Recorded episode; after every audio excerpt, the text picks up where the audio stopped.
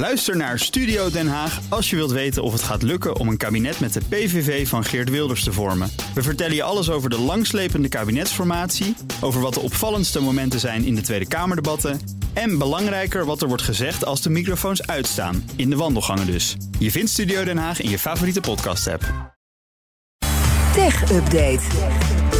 Stijn Gozes is bij ons. Hey Stijn. Goedemiddag. We gaan het hebben over onze windmolens en Google. Want Google heeft een grote deal met Shell en Eneco voor de windenergie van Nederlandse windparken. Ja, die gaan flink profiteren van de wind uh, op de Noordzee. Google gaat in totaal een capaciteit van uh, 478 megawatt kopen. Die opgewekt wordt dan met de windmolens op de Noordzee. Het gaat om de molenparken Hollandse Kust Noord en Hollandse Kust West. Dat noordelijke windpark dat draait al sinds vorig jaar. Mm -hmm. De westelijke die moet over twee jaar uh, helemaal in werking zijn. En samen gaan die windparken zo'n 6% van de Nederlandse elektriciteitsvraag leveren. En daar gaat Google dus ook van profiteren. Het gaat om een deal met Eco, Wende en Crosswind. Dat zijn samenwerkingsverbanden tussen Eneco en Shell, die samen dus de windenergie gaan opwekken. En hoeveel geld er dan met die deal ge gemoeid gaat, dat is niet bekendgemaakt. En met de windenergie moeten de Nederlandse datacenters van Google uh, dit jaar al, volgens Google, voor 90% op ja, CO2 vrij gaan draaien. Maar, maar die windenergie was toch bedoeld voor onze bedrijven en onze huishoudens? Um, nou, het is wel zo dat uh, wij als uh, Nederland daar natuurlijk ook gewoon van profiteren. Uh, want die Nederlandse datacenters van Google die zijn ook voor, ne voor Nederland en voor Europa bedoeld. belangrijk is wel om te weten dat um, het voor een groot deel, kijk, die energie is niet 100% um, de, de, de, de, energie die de datacenters gebruiken, is niet 100% afkomstig van die windenergie. Een heel groot deel daarvan komt gewoon van energiecertificaten. Dus dat wordt opgekocht door Google, een soort compensatie om mm. uiteindelijk dan CO2-neutraal te zijn. En die datacenters die draaien dus niet volledig op die groene stroom. Uh, maar bedrijven als Google en Microsoft ook, die ook datacenters hier in Nederland heeft, die willen steeds meer gaan investeren in lokale energieopwekking, wat dit dus is. Omdat de markt rond die energiecertificaten niet voldoende rendabel is en uiteindelijk ook te weinig oplevert voor die bedrijven zelf.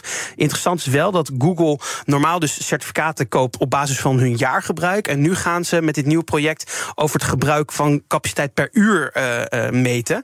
En daarmee wordt dus 24 uur per dag de groene energie afgenomen op basis van vraag en aanbod. En daarmee kan dus dit ook bijdragen aan meer stabiliteit voor het lokale net hier in Nederland. Uh, want wat er dan gebeurt is als er um, um, een grote vraag is, dan zullen de datacenters minder energie, uh, groene energie afnemen van die, uh, van die windenergie. Maar als er heel veel windenergie is, dan kan dat in ja, stroomnet vol gaan lopen. Dan kunnen die datacenters juist meer groene energie gaan afnemen. Een soort ah. batterijen eigenlijk. Okay. Um, ja, in totaal zijn er ook nog andere Europese landen betrokken bij deze deal. Het gaat om 700 megawatt in totaal. Uh, en andere uh, landen, daar zijn dan zonneparken bijvoorbeeld ook uh, betrokken bij de deal. En België, Italië en Polen zijn hier hm. ook bij betrokken. Maar het grootste deel gaat dus over Nederlandse windparken.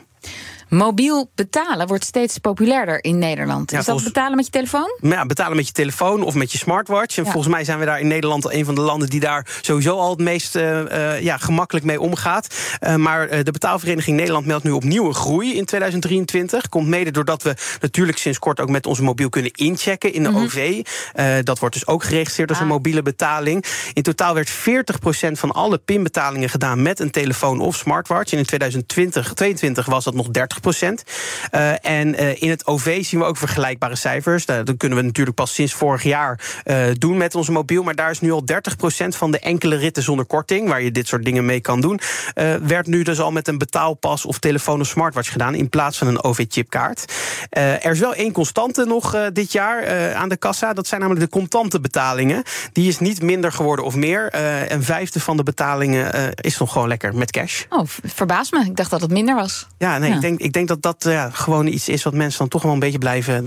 Dezelfde groep mensen blijft dat gewoon doen. Die gaat het ook niet in veranderen.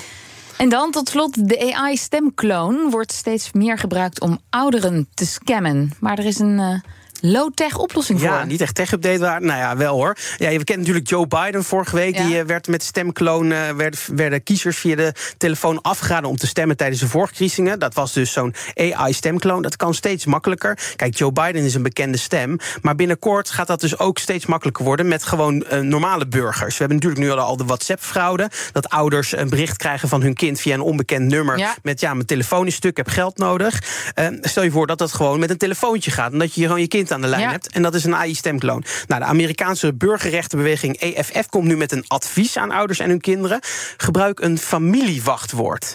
Een gemeenschappelijk afgesproken woord of zin om te checken of je het echt bent. En de tip van het EFF erbij is om dan niet een te complex woord of zin te maken. Want hij moet bij panieksituaties wel te onthouden zijn. En hij moet het dan niet baseren op openbare informatie, zoals waar woon ik of zo. Want dat is natuurlijk makkelijk te achterhalen. Het, is wel, het moet niet een, een, makkelijk woord zijn dan weer, denk ik. Bijvoorbeeld zoiets als Granny Smith appels of zo. Dat je dan altijd weet, want het komt in één keer uit het heel random of zo. Ja, maar een random woord. Ja, of wat is mijn favoriete eten? Misschien dat dat dan nog iets, uh, iets is. Uh, in ieder geval, ja, een eeuwenoude oplossing. Zeker ook niet waterdicht, maar uh, misschien wel relevant. Heb jij al zo'n familiewachtwoord? Nee, eigenlijk niet. Nou, nee, tijd om er eentje Goeie tip. spreken. Inderdaad. Dankjewel, Stijn Goosens. De BNR Tech Update wordt mede mogelijk gemaakt door Lenklen. Lenklen. Betrokken expertise, gedreven innovaties.